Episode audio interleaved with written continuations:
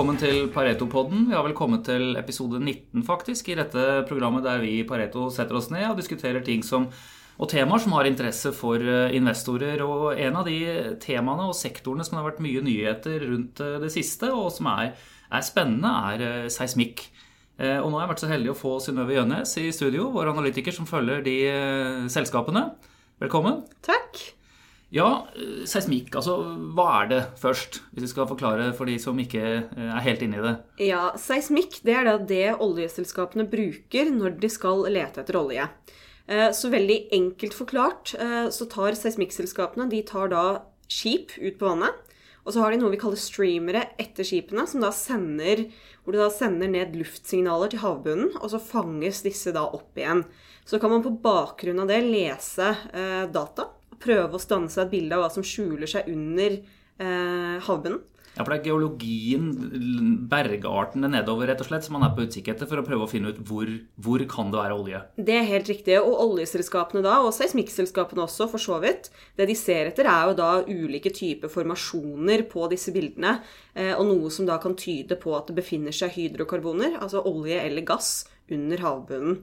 Eh, og basert på disse dataene så er det jo ofte da der oljeselskapene bestemmer seg for hvor de skal sette en brønn. Mm. Her har det vært en betydelig utvikling over tid. altså Fra det som man kalte todimensjonal eller 2D-seismikk til 3D-seismikk og nå 4D-seismikk. Kan, kan, du ta oss kort gjennom hva, hva er det de betyr? Ja, så 2D-seismikk betyr veldig kort fortalt at du får et todimensjonalt bilde eh, av, eh, eller under havbunnen.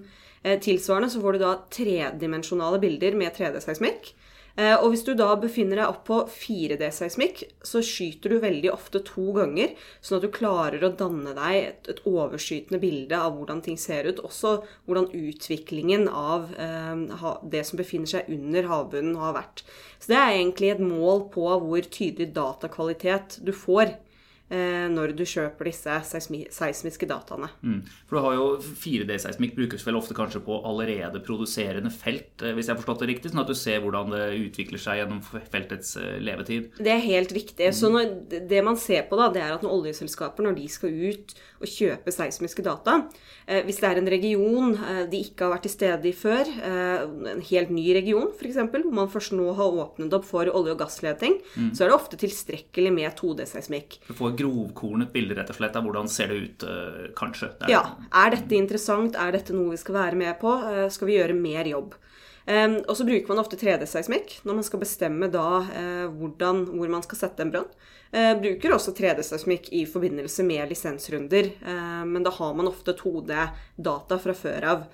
4D, det er, som dere sikkert forstår, det blir jo litt dyrere med 3D over 2D. Mm. Og så er jo kosten da for 4D tilsvarende høy. Og 4D-seismikk det brukes da primært når man har produserende felt.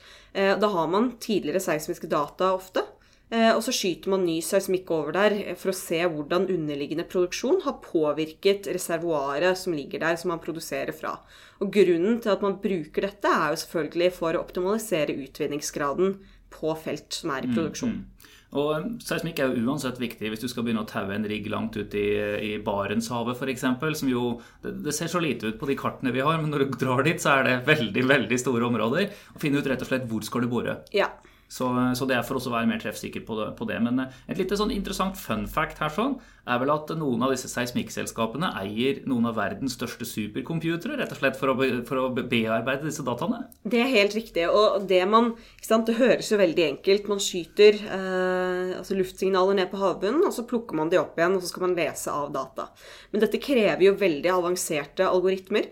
Og ser man da på listen over verdens største supercomputere, så vil man jo se at alle de store seismikkselskapene er jo representert der. Ja, liksom rett etter Forsvaret i USA og sånn, så, så, har du enkelte seismikkselskaper? Det er helt riktig. Eh, og det sier jo også noe om hvor vanskelig eh, det er å få gode data.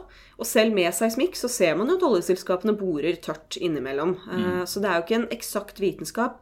Men det som er interessant og, og, viktig, er jo at seismiske data er en liten andel av den totale brønnkostnaden, men en veldig viktig andel av budsjettet. Ja, og, og den store, Nå begynner vi å komme inn på det som liksom er sakens eller kan du si, kjerne når det gjelder, gjelder seismikkselskapene på, på, børsen. nå, eller ett av temaene, og det er, jo, det er jo oljeinvesteringene.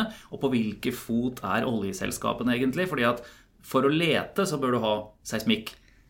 Men for, hvis du ikke skal lete, noe de jo har, de har skrudd ned kan du si, oljeinvesteringene mye, så kjøper du ikke seismikk. Og så blir man da som seismikkselskap sittende der litt og, og, og, det går litt trått. Det er helt riktig. Og det man, det man, ser eh, når man har hatt den nedturen man har hatt uh, i oljeprisen, og derav også i hva oljeselskapene bruker, fordi at de har jo selvfølgelig fått lavere cashflow Det første de struper, er jo selvfølgelig da det de ikke trenger. Og det man ikke trenger uh, som oljeselskap når en nedtur begynner, det er jo ny seismikk for å investere ytterligere. For man kutter jo veldig mye ned på investeringene, og det man primært kutter på, er jo da leteinvesteringene. Så det man så, var at i 2015 og 2016 så var jo oljeselskapenes totale budsjetter ned 50 mm. Men så var jo seismikkspending den var jo ned 65% Så mye mer ned da enn generelle trenden innenfor hva oljeselskapene brukte penger på.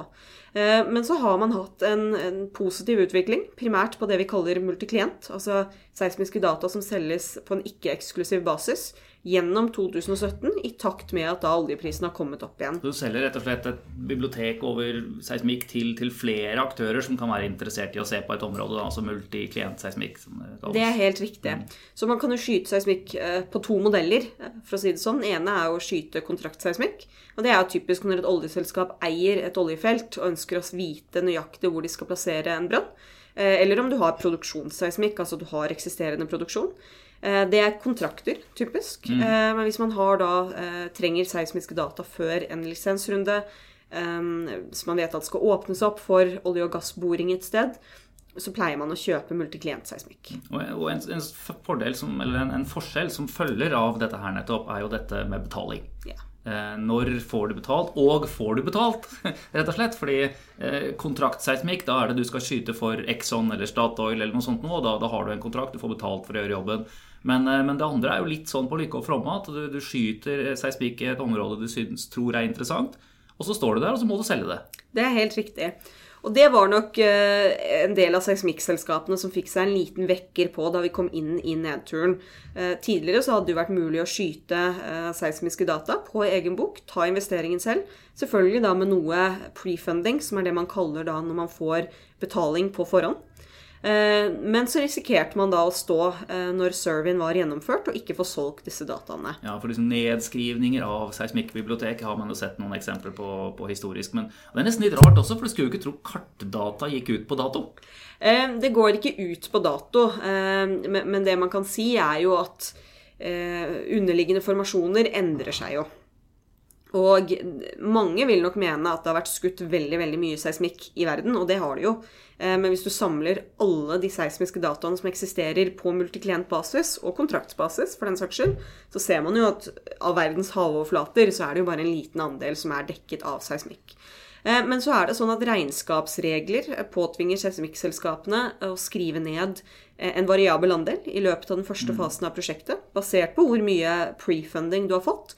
Eh, men så må resten av den surveyen skrives ned lineært over fire år. Fire år, det var jo veldig kjapp nedbetalingstid. Dette er jo interessant også, fordi dette er jo noe av det som gjør at du også kan se at seismikkselskapene plutselig får betydelige inntekter fra si, gamle bibliotek da, som har vært skrevet helt av før. Stemmer ikke det? Det er helt riktig, og du ser jo at uh, alle seismikkselskapene til en viss grad også har salg fra bibliotek som har en bokverdi på null. Mm. Men iallfall 65% fall i seismikkinvesteringene fra det nivået vi så før oljeprisen begynte å falle. Eh, et tall som har vært litt oppe når man snakker med ulike på, på oljesiden, her, sånn er jo dette med reserveerstatningsraten. Eh, altså rett og slett eh, Olje det er jo tas opp fra felt, som jo ikke blir påfylt noe ny olje igjen. Det tar noen millioner år å lage den. Eh, og, eh, og, og, hvordan er reserveerstatningen? altså Hvor mye finner man i forhold til hvor mye man pumper opp? Og Den har jo falt til nærmest ekstremt lave nivåer nå, på de, i hvert fall de aktørene som opererer offshore. Ja, eh, ser man på reserve replacement ration, da, som man kaller det, så regner jo vi at den er litt over 10% for 2017. Det er jo ingenting. Det historiske snittet eh, organisk har jo vært godt opp mot 100 eh, og har ligget over 95% gjennomgående til og med da 2016-17. Eh, så at det begynte å komme ned i 2015, men da var det allerede en del påbegynte kampanjer som var igangsatt allerede i 14 og ble fullført i 15, som hjalp 15 relativt sett. Og det man begynner å se, er nå at oljeselskapene har ikke nødvendigvis tatt dette inn over seg. Um, Verken i 15, 16 eller 17.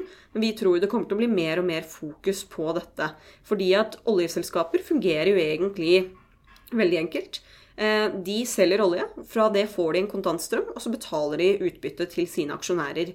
Eh, og når man da bruker opp denne oljen uten å lete etter ny, som er det de har latt være å gjøre de siste tre årene, så vil man jo kunne si at på lengre sikt så vil jo utbyttekapasiteten falle vesentlig hvis ikke de klarer å erstatte produksjonsfallet. Nå har nok en del av disse oljeselskapene til dels erstattet noe av produksjonsfallet, eh, bl.a. gjennom oppkjøp av nye felt. Ja, De kjøper jo litt felt, og de kjøper litt av hverandre, hverandre også, men det blir jo ikke noe mer eh, av det, egentlig. Man bare fordeler beholdningen. Det er helt riktig. Så vi, vi ser jo allerede en trend med en oljepris eh, som nå er Eh, i hvert fall vesentlig høyere enn det vi anser som 2018-planleggingsprisen. Den kalkulerte vi i snitt til å være 52 dollar da vi gjorde vår EMP-survey i august. Mm. Uh, og nå ser vi en oljepris som er langt over det, og det har allerede gitt seg utslag i høyere volum av seismikksalg. Mm.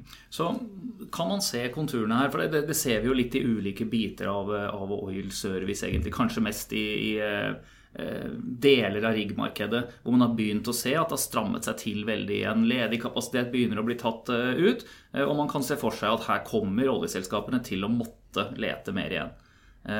Venter vi å se, eller ser vi noen tegn til dette i seismikk ennå?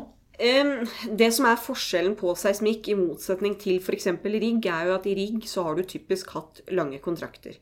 I seismikkmarkedet så er det en helt annen type kontraktstruktur. Så eh, du vil jo sjelden ha mer enn kall det tre til seks måneders visibilitet på hvor skipene dine skal jobbe. Jeg har jo sett de, de, de slidene du har vist på morgenmøtet noen ganger, hvor, hvor, du viser liksom her er kontraktene de neste måneder. Og det, det er jo ekstremt kort visibilitet, som du sier. Altså det, det, er sjelden det liksom er noe og Det er helt tomrom i, i kolonnene etter sånn tre til seks måneder. Ja, og det gjør jo da at, eh, at de seismikkselskapene som har eh, skip, de har ønsket egentlig å fylle opp så mye kapasitet som mulig, som har gjort da at dette markedet har jo da vært preget av eh, det man kan kalle lite disiplin, eh, eller kampen om å overleve eh, og sikre den utnyttelsen du kan få, som har gjort at det har vært vanskelig å se en bedring, i hvert fall i ratemarkedet, altså i kontraktsratemarkedet. Eh, men det vi så i 2017, det var jo at høy opplagsaktivitet nå er du nede fra 64 skip på toppen ned til sånn som vi ser det, 26 aktive skip. Mm. Og så er jo seks av disse 26 skipene de er jo... det, var 64 skip som jobbet med seismikk når markedet var på topp. Nå er det nå, 26. 26. Og av de 26 mm. så er det ytterligere seks stykker som uh, temporært er ute av markedet. Det er Western Gecko, eid av Schlumberger, verdens største oljeserviceselskap, som har sagt at de midlertidig uh, Eller de skal ut av båtmarkedet. De skal fortsette med multiklientseismikk, men de ønsker ikke å eie skipene selv. Mm. Så det gjør jo at de skipene ikke aktivt bys inn på kontrakter i dag. Så tilbudssiden har kommet kraftig ned. Samtidig som vi egentlig ser at, det, at oljeselskapene i hvert fall logisk sett kommer til å ha et behov ikke veldig langt fram i tid her for å få gjort mer seismikk. Ehm, det er vel bildet man kan se av markedet som liksom ser ut for meg som en, som en, logisk utvikling fremover. Ja, men dette vil nok være volatilt. For vi så jo denne trenden komme allerede i 2017. Mm. Eh, da var jo store deler av markedet eh, booket opp, både i Q2 og Q3. Og man så jo at ratene eh, økte både i Q2 og Q3. Men vintersesongen er alltid tøff i seismikk, fordi at Nordsjøen utgjør en veldig stor andel av det totale seismikkmarkedet om sommeren. Eh, men så er det vanskelig å skyte seismikk i Nordsjøen om vinteren, som gjør da at disse skipene da må gjøre andre ting. Mm. Eh, og da har du en høyere tilbudsside som gjør da at ratene naturlig, eh, også i et bra marked, vil komme ned over vintersesongen. Mm. Men Det blir spennende å se på hvordan stramheten i markedet utvikler seg fremover. Men, men, men, en annen dimensjon som investorene er veldig opptatt av, og som på en måte er et skille i disse selskapene innenfor seismikk, det er jo på om man har en såkalt asset light eller asset heavy balanse. Altså eier du båter eller leier du båter? Hvordan ser det bildet ut nå? Det er helt riktig. Og da har man jo i utgangspunktet to selskaper som kun driver med multiklientseismikk. Som ikke da eier skipene selv, har til dels ingen eller lite gjeld. Og det er jo da TGS som er det største, eller det største multiklientselskapet i verden. Mm. Og så har man Spektrum, som er et litt mindre selskap.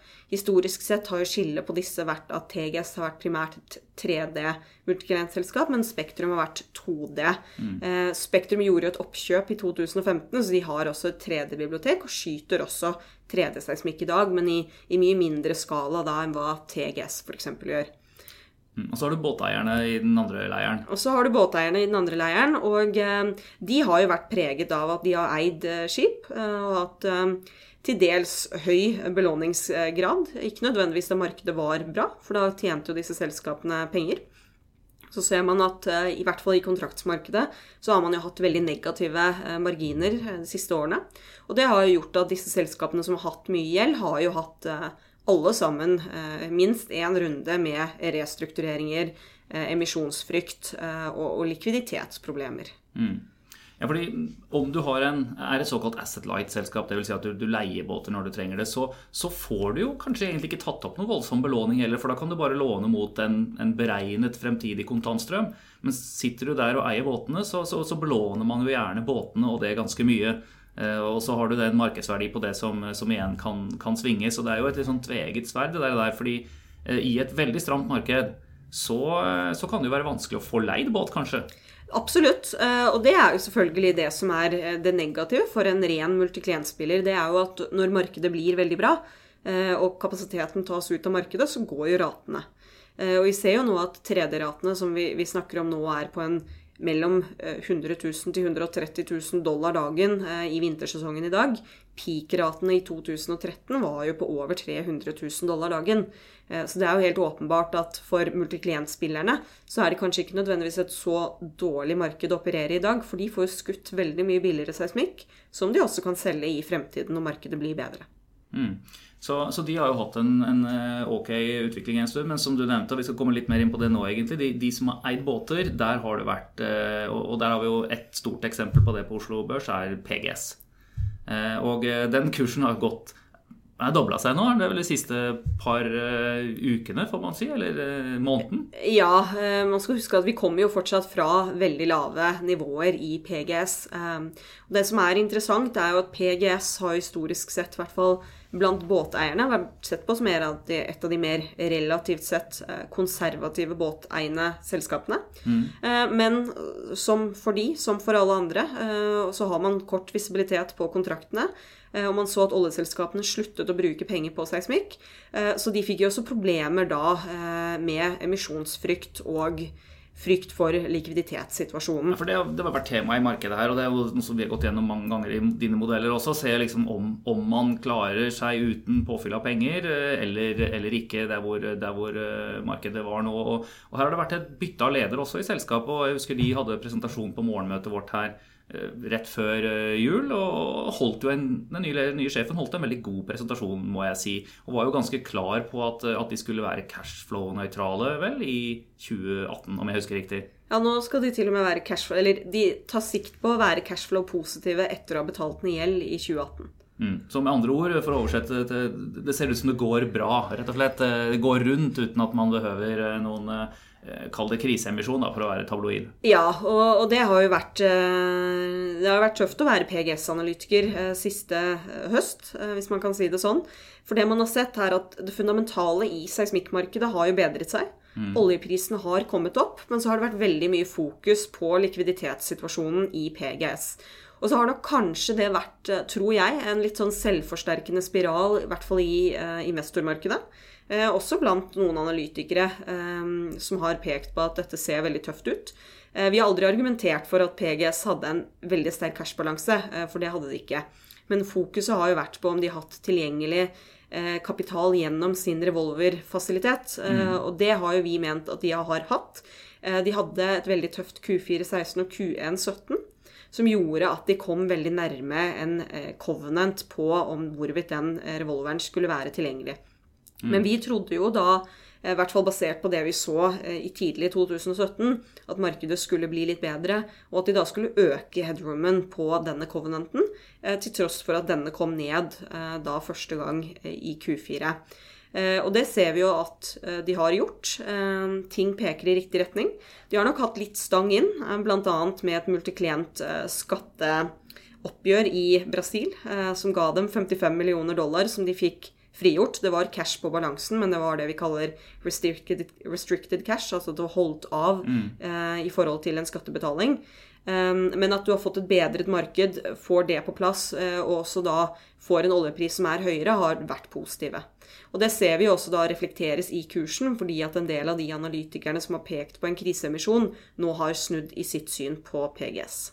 Ja, men det er jo, det er jo hvert fall to måter å vurdere et selskap på. Eh, og Det ene er jo i situasjoner hvor du liksom ser at her kan det være distress, eller at selskapet på en måte er i en stresset situasjon. Da begynner man å se på eh, verdien av underliggende assets. Hva kan du få solgt det for i markedet? Hva kan du få belånt det til? Den type ting. Eh, men, men straks det ikke egentlig er tema, så, så, blir det jo fokus på fremtidig inntjening på dette selskapet igjen. Og, og nå har vi kanskje svingt da fra det ene til å på en måte være Eh, nærmere det andre på, på PGS. Eh, og du, du, hadde en oppdatering på den i, i dag, vel? Disse analysene ligger jo ute på våre nettsider med ny kjøpsanbefaling og et noe høyere kursmål. Ja, og i det kursmålet eh, så argumenterer jo ikke for at fra et likvideringsperspektiv at PGS er veldig billig. Men vi tror jo at man kommer til å endre prising fra å se på hva man hadde fått i et distress-scenario, altså et likvideringsscenario, Eh, og, og, egentlig da delt ut det man har av verdier til gjeldsholdere, og så får man se hva, hva er igjen reelt sett av verdier her i dagens marked, til å få mer og mer fokus på hva er det fremtidige inntjeningspotensialet. Eh, og PGS sånn sett har jo en voldsom operasjonell giring mot kontraktsmarkedet. Eh, det er viktig å legge, legge til der at vi vi tror ikke at kontraktsmarkedet kommer til å komme tilbake igjen der man var i 2013 og 2014. Eh, men vi tror fortsatt at man kan komme opp til et nivå på lengre sikt hvor ratene er på en 180 200 000.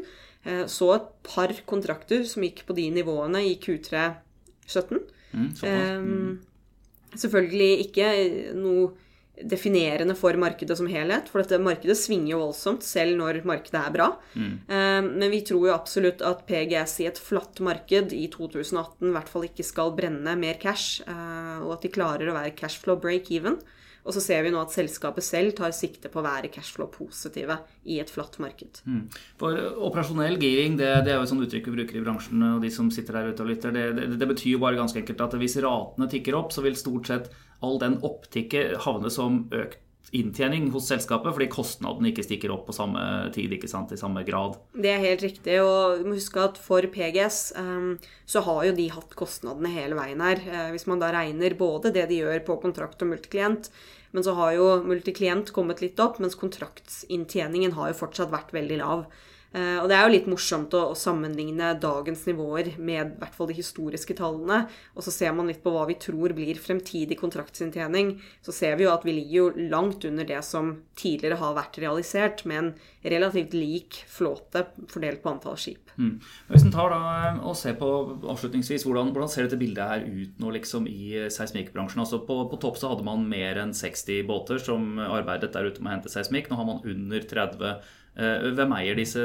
PGS eier mange, gjør de ikke det? Eh, PGS har en flåte på åtte skip, hvorav de skal holde seks av dem i full operasjon gjennom hele året. Og så skal to få lov til å komme inn da i Q2 og Q3, som jeg nevnte, som er høysesong i seismikkmarkedet. Eh, de tror ikke nødvendigvis at de kommer til å få jobb på disse ekstra to skipene i Q1 og Q4. Så derfor så kommer de til å ligge i varmt opplag, dvs. Si at du har utstyr på, men de har ikke mannskap som koster penger. Mm. Så har man Western Gecko, som vi nevnte litt innledningsvis. De har en flåte på, i hvert fall sånn som vi ser det i dag, seks skip. Eh, de skipene er jo midlertidig ute av markedet. Eh, I hvert fall nå etter at de er ferdig med eh, de kontraktene de allerede holder på med. Vi tror nok ikke de skipene kommer til å forsvinne ut av markedet, men at noen kommer til å komme inn og ta dem og potensielt konsolidere med noen av de mindre spillerne, tror vi absolutt er et reelt scenario. Så har man CGG, som er et fransk eh, seismikkselskap. De er inne i en Compagnie General Geofysik, eller hvordan man uttaler det? Noe sånt nå? Det stemmer. ja. Eh, de er jo inne i en, en stor restrukturering nå. Mm. Der kommer man til å se at nesten 2 milliarder dollar i gjeld eh, skal bli til egenkapital. Det er en restrukturering som skal ferdigstilles i slutten av februar. Og det er jo et selskap som da kommer til å ha tilsvarende like mye kan si kanskje litt mindre grossgjeld enn PGS når de går ut av restruktureringen, men som heller ikke da kommer til å eie skip på balansen. De eier da 50% av et skipseiende selskap, hvor det i dag er fem aktive skip, sånn som vi ser det.